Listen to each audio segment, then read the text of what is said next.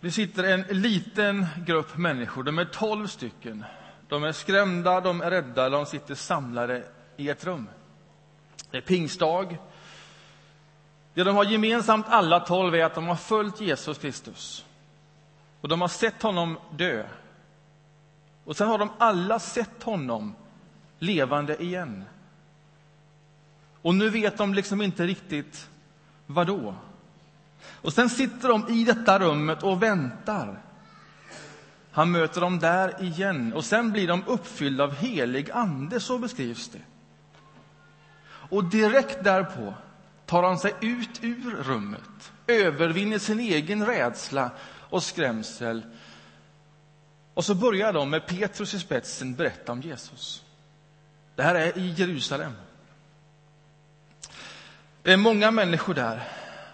De lyssnar, de sällar sig till det som sägs om Jesus och så börjar det vi känner idag som kyrkan att växa fram. De tolv satt på en hemlighet. Och de måste bara få detta budskapet vidare. Och innan några få hundra år så växer denna lilla kyrka kraftfullt, oproportionerligt starkt och mycket. Det expanderar på alla håll. Och I forskningen frågar man, eller man undrar och funderar över hur är det, hur var det möjligt att få så mycket spridning ifrån denna lilla grupp människor? Och så säger man, ja, en hemlighet, en av flera, men en hemlighet var att det skrevs brev. Brev som fick väldigt stor betydelse. Man skrev brev och det skickades till de små kyrkorna och så gick de breven runt och så läste man dem, inspirerades av dem, fick kunskap genom dem. Den växande församlingen läste brev och den brevskrivaren, den meste brevskrivaren var Paulus, som är känd för oss. Och av alla de brev som han skrev till dessa små kyrkor som växte fram så är det brev han skrev till kyrkan i Rom, till de kristna i Rom. Det som ofta beskrivs som det främsta av alla hans brev. Både till innehåll och till genomslag. Och inte bara där och då i den riktigt tidiga kyrkan, utan genom hela kyrkans historia så är det som om att detta brev spelar en särskild roll från tid till annan. En av de stora karaktärerna i kyrkans historia hette Augustinus. Han blev sen biskop, biskop av Hippo. Bara det. Han kom till tro just genom egen läsning av Romarbrevet. Han läser det och han blir gripen av det som där står, kommer till tro och blir en betydande gestalt och teolog i den tidiga kyrkan. Martin Luther, som vi känner som reformatorn i vår del av kyrkan. Alltså hans andliga erfarenhet blev ju i hög grad formerad just genom att ha läst Romarbrevet och fick liksom nya ögon på det som stod där och vad det betydde. Och det skapar ju en väldig drivkraft hos honom. John Wesley är en annan sån gestalt. Han är en frikyrkogestalt. Han, är, och var, eller han var metodist eh, och grundade metodismen och reste runt. Eh, och metodisterna skickade missionärer kors och tvärs. En av dem kom till Sverige, George Scott. Det var liksom startet på hela vår frikyrkorörelse som vi känner här. Det spårar man tillbaks till den här John Wesley. Och han blev omvänd när han satt i en kyrka som den här på balkongen och så lyssnade han till när det framifrån lästes ur Martin Luthers förord till en romarbrevskommentar. Tänk om han hade läst romarbrevet. Det hade blivit för mycket. På 1900-talet så hade man i 100 år, och kanske 200 år, i akademins värld där man arbetar med teologi, slitet med liberal teologi och vad man skulle med teologin till. Det var liksom ingen fruktbar diskussion och spänst i de teologiska samtalen. Så dyker det upp en man som heter Karl Barth som blev en viktig gestalt i akademin. Och han hade läst Romarbrevet, hör och häpna, och fått liksom ett förnyad syn på liksom vad är det centrala i kristen tro. Och ur det föddes ett helt nytt samtal i akademin med spänst och fruktbart. Av den listan kan göras lång. Romarbrevet är inte ett enkelt brev, men det är skrivet för alla. Det är tydligt. Det är inte en specifik grupp, men man behöver ge det en chans. Man behöver sätta sig ner med det. Man behöver arbeta lite med det för att komma åt det som där finns. Och den som gör det, den går belönad därifrån. Det är min övertygelse och jag har historien på min sida.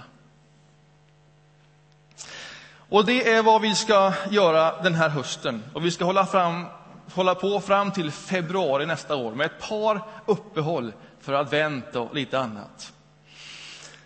Så följ med på den här resan när vi idag startar en läsning av Romarbrevet och där vi predikar utifrån det. Och där vi tar oss an den mest grundläggande av alla frågor som finns här i. Vad är evangeliet? Alltså de goda nyheterna, evangeliet är Paulus Vad är det? Och varför behöver det föras vidare? Det är den enkla frågan. Vad är evangeliet? Och varför ska det ges vidare? Följ med på den resan. Det här är ett gyllene tillfälle att liksom komma in i egen bibelläsning igen, om man behöver det.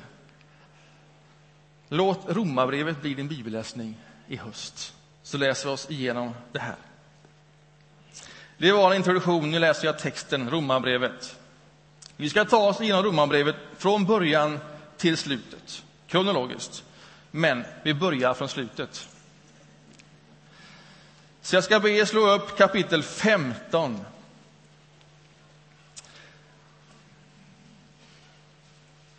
Och om vi inte ska läsa Romarbrevet i många år så behöver vi ta ganska långa sjok att läsa. Eh, annars kommer vi aldrig igenom detta brevet. Ja, och vi behöver annat också. Eh, här har vi texten.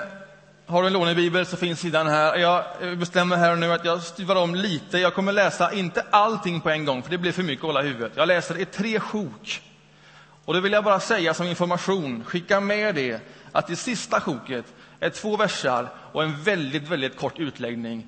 Det kan vara god information att ha med. Jag läser ifrån kapitel 15 och vers 22. Det är därför som jag gång på gång har blivit förhindrad att komma till er. Men nu har jag inte längre några uppgifter i den här delen av världen och jag har i åratal längtat efter att få besöka er när jag far till Spanien. Jag hoppas att jag träffar er under den resan och att ni hjälper mig vidare på min väg sedan jag väl en alltför kort tid har fått vara tillsammans med er. Men först far jag till Jerusalem med hjälpen till de fattiga, till de heliga. Makedonien och Akaja har nämligen beslutat att göra en insamling för de fattiga bland de heliga i Jerusalem. Så beslöt de. De står ju också i skuld till dem. Ty eftersom hedningarna har fått del av deras andliga goda är de i sin tur skyldiga att bistå dem med det materiella. Sedan jag har fullgjort detta uppdrag och överlämnat resultatet till dem tänker jag fara till Spanien och besöka er på vägen. Och jag vet att när jag kommer till er för jag med mig välsignelse från Kristus i fullt mått. För vår Herre Jesu Kristi skull och för den kärlekens skull som Anden ger uppmanar jag er bröder att bistå mig i min kamp genom att be till Gud för mig så att han räddar mig från dem i Judeen som vägrar att tro och så att den hjälp jag har med mig till Jerusalem blir väl mottagen av de heliga. Då kan jag komma till er med glädje och vila ut tillsammans med er, om Gud så vill. Fridens Gud är med er alla. Amen. Vi läser det sista stycket här i Romarbrevet därför att det ger oss en bild över varför han skriver det här brevet. Varför skriver han brevet? Och i vilket sammanhang är det skrivet? Till vilka människor? Hur ser kyrkan i Rom ut? Det kan vara gott att ha med sig sen när vi går tillbaks och läser det från början. Och vad säger den här bilden av kyrkan oss? Jo, det jag nu har läst, och så får man läsa lite till i Romarbrevet, så kan man sluta sig till att det här skriver Paulus när han gör sin tredje resa. Han reser tre resor som missionär runt omkring Medelhavet. Han är förmodligen i Korint. Vi är någonstans 54-55 efter Kristus, väldigt nära i tid från det att Jesus dött och uppstånden. Inte långt ifrån den stund då de tolv var samlade i Jerusalem. En skrämd liten grupp. Han skriver i Korint, han vill resa vidare till Spanien. Han vill västerut. Det är hans mål. Där behöver man höra om Jesus Kristus. Där är det ännu inte förkunnat. Det är ny mark. Och det är det som driver Paulus. Men, och han vill åka dit via Rom, säger han. Han vill att Rom ska vara med i det initiativet som en missionsstation och vara med och sända honom iväg. Så han skriver dit för att förbereda sin ankomst, för att beskriva sitt evangelium. Vem är han, Paulus, som skriver? Vad är det han tror på? Vad är hans evangelium som han vill att de ska vara engagerade i, delaktiga i hans initiativ? Och sen skriver han också en tredje sak. Och det är för att han vill att de i Rom, kyrkan i Rom, ska vara med och be för hans resa till Jerusalem. Alltså han vill till Spanien, han vill via Rom till Spanien, men det är någonting som gör att han inte kan åka dit på en gång. Utan han måste åka österut, tvärs emot. Det han har längtat efter i många år. Han går andra hållet. Och han ber dem att vara med i bön för hans resa. Och det som far honom att åka till Jerusalem, det har att göra med en insamling. Han håller på och själv driver en insamling i olika församlingar för att hjälpa de fattiga, heliga i Jerusalem. Det är alltså den första kyrkan i Jerusalem.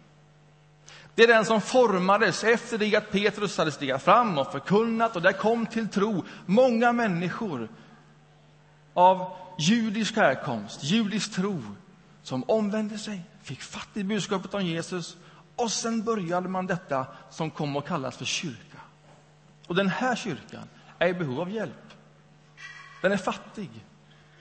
Den ror liksom inte i land själv, denna judekristna församling.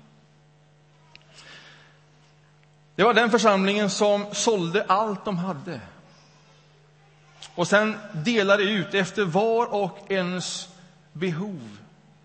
Kommer ni ihåg beskrivningen av apostlärningarna? En fantastisk beskrivning. Men sen skriver några kommentarer, förmodligen var det så att det hade blivit tuffare tider. Och nu fanns det liksom inga alternativa försörjningsvägar in i församlingen. Allt var liksom sålt. Inga egendomar var kvar. Och sen blev det förföljelse. Och hur skulle man nu göra när det liksom slöts kring denna grupp kristna människor? Paulus hade en annan praktik när han startade församlingar. Ja, han sa mera, ge inte upp allt. Jobba kvar. Försörj er, utbilda er, gör affärer, bli bra på det. Avlöna några som inte behöver göra egen karriär utan tjäna i församlingen. Avlöna dem. Men inte alla. Den grundläggande tanken var precis samma sak. Ingen skulle lida nöd. Alla skulle få det som behövdes i den tid som nu var. Men det fanns olika vägar för att nå samma mål. Inte rätt, inte fel. Bara olika vägar. Och nu fanns det en annan ekonomi i de hedna kristna församlingarna. Arbetade man. Där var man duktig på att driva business. Där kanske man ägde någonting som det gick att göra affärer på och få inkomst av. Det som kryddar insamlingen är just att det var hedna kristna, det vill säga människor som inte levt i en judisk församling och kommit till tro, utan kom till tro helt utanför. Utan historia med Gud och varandra.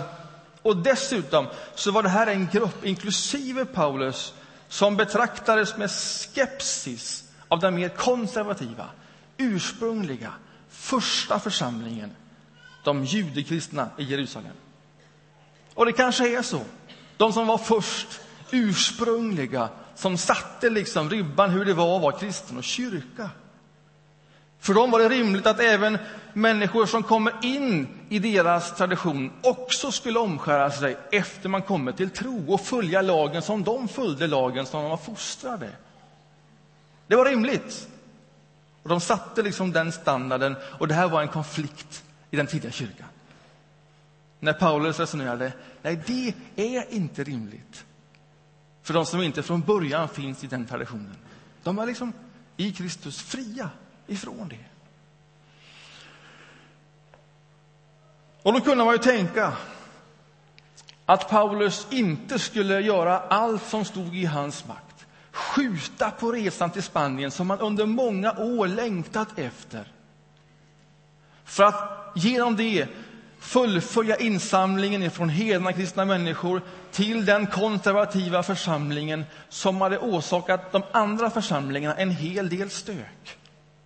Som gnällde på dem. Som tyckte de var fel ute teologiskt.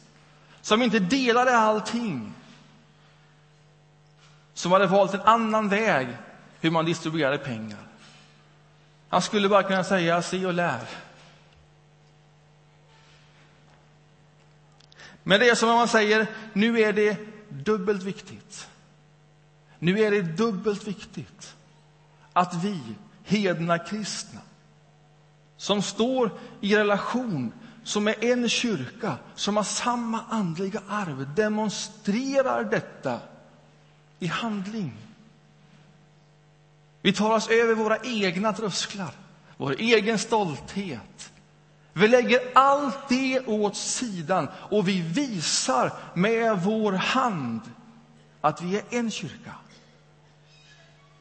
Och sen samlar de in. Och sen ger de till dem som stått i opposition mot sig själva. Och det här är så viktigt för Paulus att han låter missionen till Spanien bara vänta. Detta uttryck måste bara fullföljas. Och här ber han dem att vara med i bön. Församlingen i Rom, be för mig.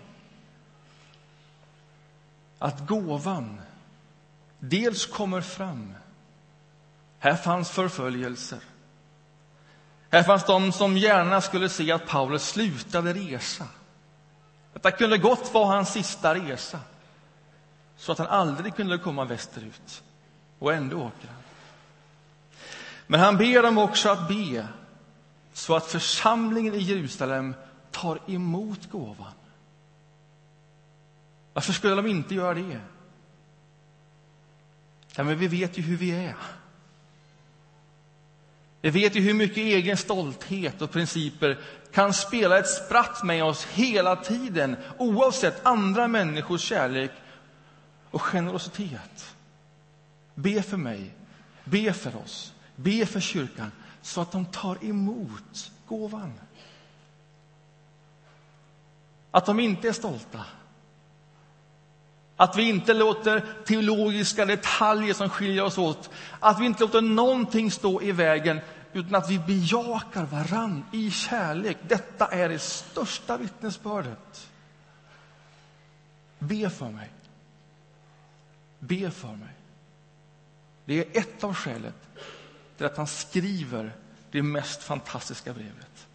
Visst är det intressant? Detta var viktigt för Paulus. Och det här går igen i hans brev. Kristus dog för oss.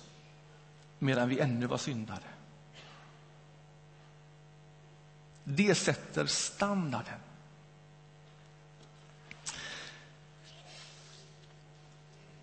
Han var så djupt besjälad av evangeliet, så starkt berörd av Jesus, förvandlad av helig ande, att han drevs av denne Gudens kärlek. Att han sköt på sin egen agenda för att till varje pris fullfölja detta. Och när jag läser detta brevet, när jag läser Paulus, när jag ser hans hållning och kyrkans hållning, så tänker jag mig själv, gode Gud, så besjälad behöver jag bli. Så starkt berörd, så förvandlad av Guds kärlek, att den blir min drivkraft i stort och i smått. Jag behöver bli brinnande på nytt. Hur kan man annars förklara ett sånt val? Och inte bara jag, utan jag tror vi behöver bli brinnande på nytt.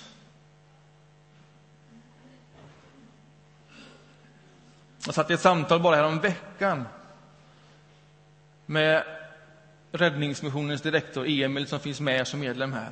Och vi satt och talade om de här kanske 1500 somalier som nu kommer genom anhöriginvandring alldeles inom kort till vår stad. Och vi satt och pratade om alltså, hur skulle vi kunna vara med i det med fler kyrkor. Kan vi det?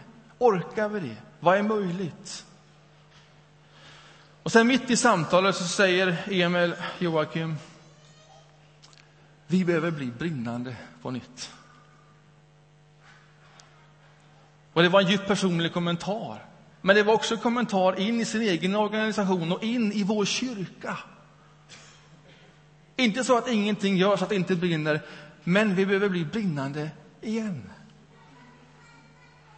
Av allt det vi samtalade om i den lunchen jag gick därifrån så har det gått nu en lång tid och det är fortfarande så att den enkla meningen, ett, ett, ett enkelt uppstannande mitt i Joakim, vi behöver bli brinnande, det hakar tag i mitt liv. Och det är vad jag ser här. Det är verkligen så, tror jag. Alla behöver inte, ska inte, bör inte vara anställda i Räddningsmissionen eller Salonkyrkan. Det vore förfärligt. Utan utbilda dig. Var lärare, jobba i sjukvården, var konstnär, driv business, bli riktigt bra på det du gör och glöm aldrig att du sitter ihop med en större gemenskap som kallas kyrkan. Oavsett livsval. Och att det finns ett sätt att visa att du sitter ihop med andra människor. Och det är genom praktisk handling, generositet, materiellt och andligt och med tid. Gud gör oss brinnande igen. Internt, hur vi möter varandra, och externt eftersom kyrkan alltid existerar för den här stans skull. Och sen fortsätter Paulus, kapitel 16. Jag vill lägga ett gott ord för vår syster Foibe, som tjänar församlingen i Kenshrai. Ta emot henne i Herren på ett sätt som anstår de heliga. Hjälp henne med allt hon kan begära av er. Hon har själv varit ett stöd för många, också för mig. Hälsa Priska och Aquila, mina medarbetare i Kristus Jesus. De har vågat livet för mig. Och inte bara jag, utan alla hedna kristna församlingar tackar dem. Hälsa också församlingen som möts i deras hus. Hälsa min kära Epainetos, Asiens första gåva till Kristus. Hälsa Maria som har arbetat mycket för er. Hälsa Andronikos och Junias, mina stamfränder och medfångar. De är högt ansedda som apostlar och har bekänt sig till Kristus före mig. Hälsa Ampliatus, min käre broder i Herren. Hälsa Urbanus, vår medarbetare i Kristi tjänst, och min käre Steichys. Hälsa Apelles, den pålitlige kristne, hälsa alla hos Aristobulus. Hälsa min stamfrände Herodion. Hälsa alla dem hos Narkissos som tillhör Herren. Hälsa Tryfiana och Tryfosa som arbetar i Herrens tjänst. Hälsa den kära Persis som har arbetat mycket i Herrens tjänst. Hälsa Rufus som Herren har utvalt och hans mor som är en mor också för mig. Hälsa Asynkritos, Flegos, Hermos, Patrobas, Hermas och bröderna kring dem. Hälsa Filologos och Julia, Nereus och hans syster, Olympas och alla de heliga hos dem. Hälsa varandra med en helig kyss. Alla kristna församlingar hälsar er. Jag uppmanar er bröder att se upp med dem som vållar splittring och lockar till avfall från den lära som ni undervisas i. Håll er undan dem. Den sortens människor tjänar inte vår Herre Kristus, utan bara sin egen buk och med sin insmickrande svada förleder de godtrogna själar. Er lydnad har dock blivit känd överallt. Därför gläder jag mig över er och önskar bara att ni ska vara kunniga i allt gott och obesmittade av allt ont. Fridens Gud ska snart låta Satan krossas under era fötter. Nåd från vår Herre Jesus Kristus åt er alla. Min medarbetare Timoteus hälsar er, likaså mina stamfränder Lucius Jasos och Sosipatros. En hälsning också från mig, Tertius, som i Herrens tjänst har skrivit ner detta brev. Gaius, som har upplåtit sitt hus åt mig, och hela församlingen skickar också sin hälsning, liksom statskassören Erastos och brodern Quartus. Några korta ord om det här. En enorm upprepning. Finns det något att lära sig av en sån upprepning detta är, mina vänner, ett helt fantastiskt fönster in i den tidiga kyrkan. Om du någon gång har hållit ett tal för en grupp människor och sen ska du presentera och tacka några människor i den gruppen som har betytt särskilt mycket för dig och för sammanhanget, då vet du att du anstränger dig extra för att inte glömma någon central person. Det blir liksom inget bra. Man mår inte bra efteråt och den som är glömd mår inte bra efteråt. Paulus räknar upp 26 personer och man kan genom uppräkning också lista sig till fem huskyrkor. De i hans hus som möts där. 26 personer och kanske fem huskyrkor. Lyssna här, vi har ingen aning om hur många kristna människor det fanns i Rom. Det här. Vi vet att det hade varit förföljelser och utrensningar, det kan man läsa av kringlitteratur. Men säg så här. Det här är skrivet till den kristna kyrkan i Rom. Detta är uppräkningen som Paulus gör. Säg att det fanns fem huskyrkor. Säg att det var 20 personer i varje huskyrka. När man läser historien är inte det alls orimliga mått. Det skulle kunna betyda att det finns hundra kristna människor i Rom. Kanske fler, kanske färre. Men förmodligen inte långt därifrån. Så såg det ut 55. Det här är kyrkan i sin linda. Det här är ställt till Guds heliga i Rom. De är en enhet, de är en kyrka, men de möts på flera olika sätt. Vi vet inte hur, men de sitter ihop. Det vet vi att de gör. Men framför allt är detta en ny sorts gemenskap. Och det som är uppenbart, det är att det inte är en homogen liten grupp. De här namnen är hebreiska, grekiska och romerska. De kommer från alla delar av det kända samhället. Och det som är uppenbart när jag läser detta, det är Paulus starka känsla och sammankoppling och förbund med alla dessa människor. Den kärlek han känner för olika medarbetare från olika bakgrunder.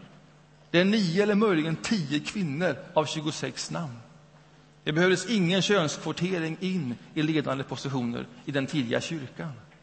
Det fanns där som ett starkt och unikt vittnesbörd om en ny sorts gemenskap. En av dem var Junia, apostel. Inte en av de tolv, men likväl en av dem som hade sett den uppståndne Kristus. Och hon var apostel likt Paulus, till funktionen. Hon var kvinna. En annan kvinna var Foibe. Det är förmodligen hon som tar med sig brevet till församlingen. Hon var diakon, central roll i en församling utanför Korint. Och hon har varit till stor hjälp för Paulus och alla hedna kristna kyrkorna. Det betyder inte bara att hon har varit behjälpsam nu och då. Det betyder att hon förmodligen har ställt hela sin situation. Att de förmodligen var välbärgade och allt detta fanns för det gemensamt goda. Det kan man lista sig till av ordval. Det här är en beskrivning av den första kristna kyrkan i Rom och kanske det viktigaste. Lyssna här. Det de hade gemensamt i denna uppräkning det var att de alla tycks äventyra sina liv, sina sociala positioner för att hjälpa Paulus och för att låta budskapet leva vidare. Hur skulle annars denna lilla kyrka blivit det den är idag? En rörelse av kanske miljarder människor som följer och som följt Jesus. Det är helt svindlande perspektiv. De var inte många. Det var några huskyrkor, kanske fem. Men de var drivna av kärlek. De brann. Och de äventyrade något i sina liv. Vad äventyrar vi i våra liv? Alla på jobbet vet att du är kristen. Eller många vet det. Och du svarar gärna på frågor om någon har det. Du är alltid tillgänglig. På ett gott sätt. Och samtidigt vet vi att den hållningen i någon annan fråga i din affärsverksamhet skulle betyda att du på kort tid skulle brottas med lönsamhet, för få kunder eller för få brukare. Du vet att du behöver vara offensiv, uppsökande, ställa frågor, vara intresserad, presentera. Men när det gäller tron på Jesus så är det ofta annorlunda för många av oss. Det blir lite mer defensivt och reaktivt. Vi äventyrar, många av oss, inte så mycket.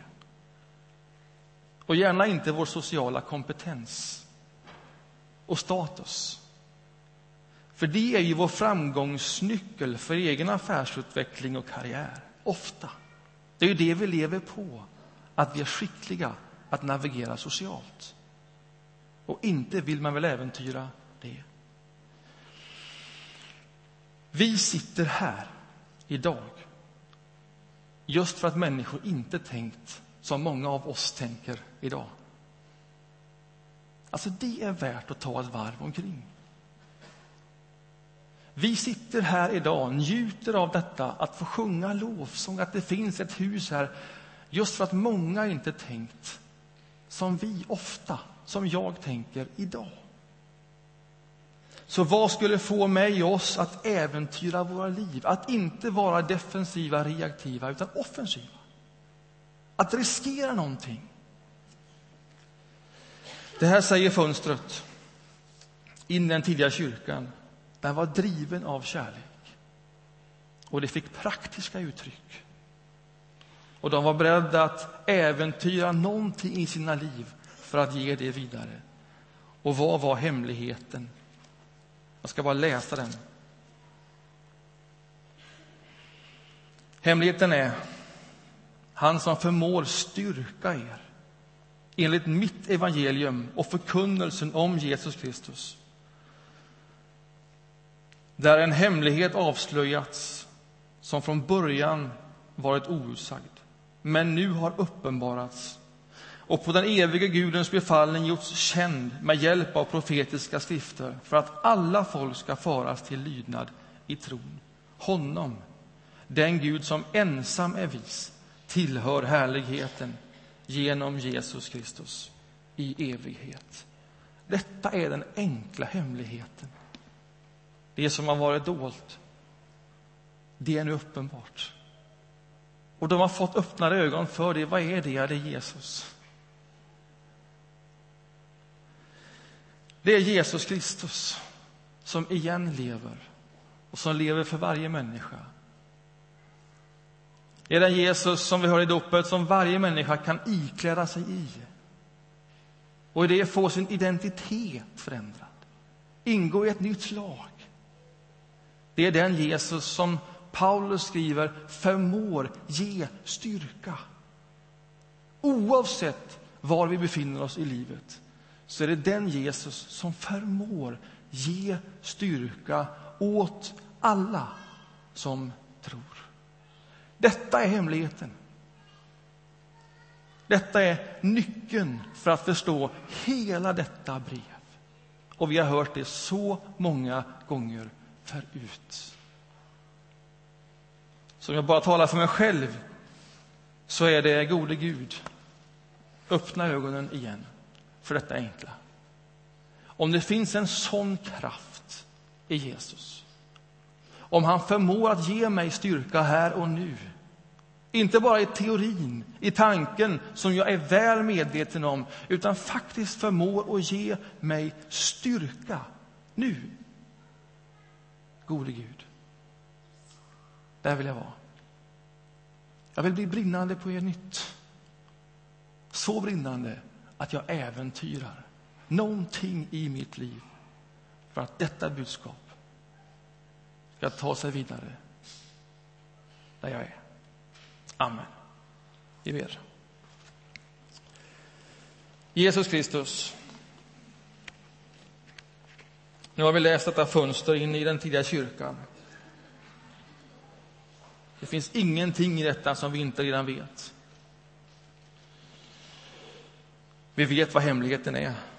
Vi vet att det är du. Några av oss vet av egen erfarenhet för att vi har fått känna på din styrka och kraft. Att du har rest oss, att du har burit oss, att du har funnits och finns där. Några av oss behöver känna det igen, på nytt och nu. Och så djupgående, att få bli så besjälade av dig att din kärlek blir vår drivkraft. Att den blir så stark som drivkraft att vi genom det är beredda att äventyra någonting av våra liv, av hur vi lever dem. Jag skulle önska för mig själv att inte vara så reaktiv och defensiv utan proaktiv. Gode Gud, gör oss brinnande igen. Amen.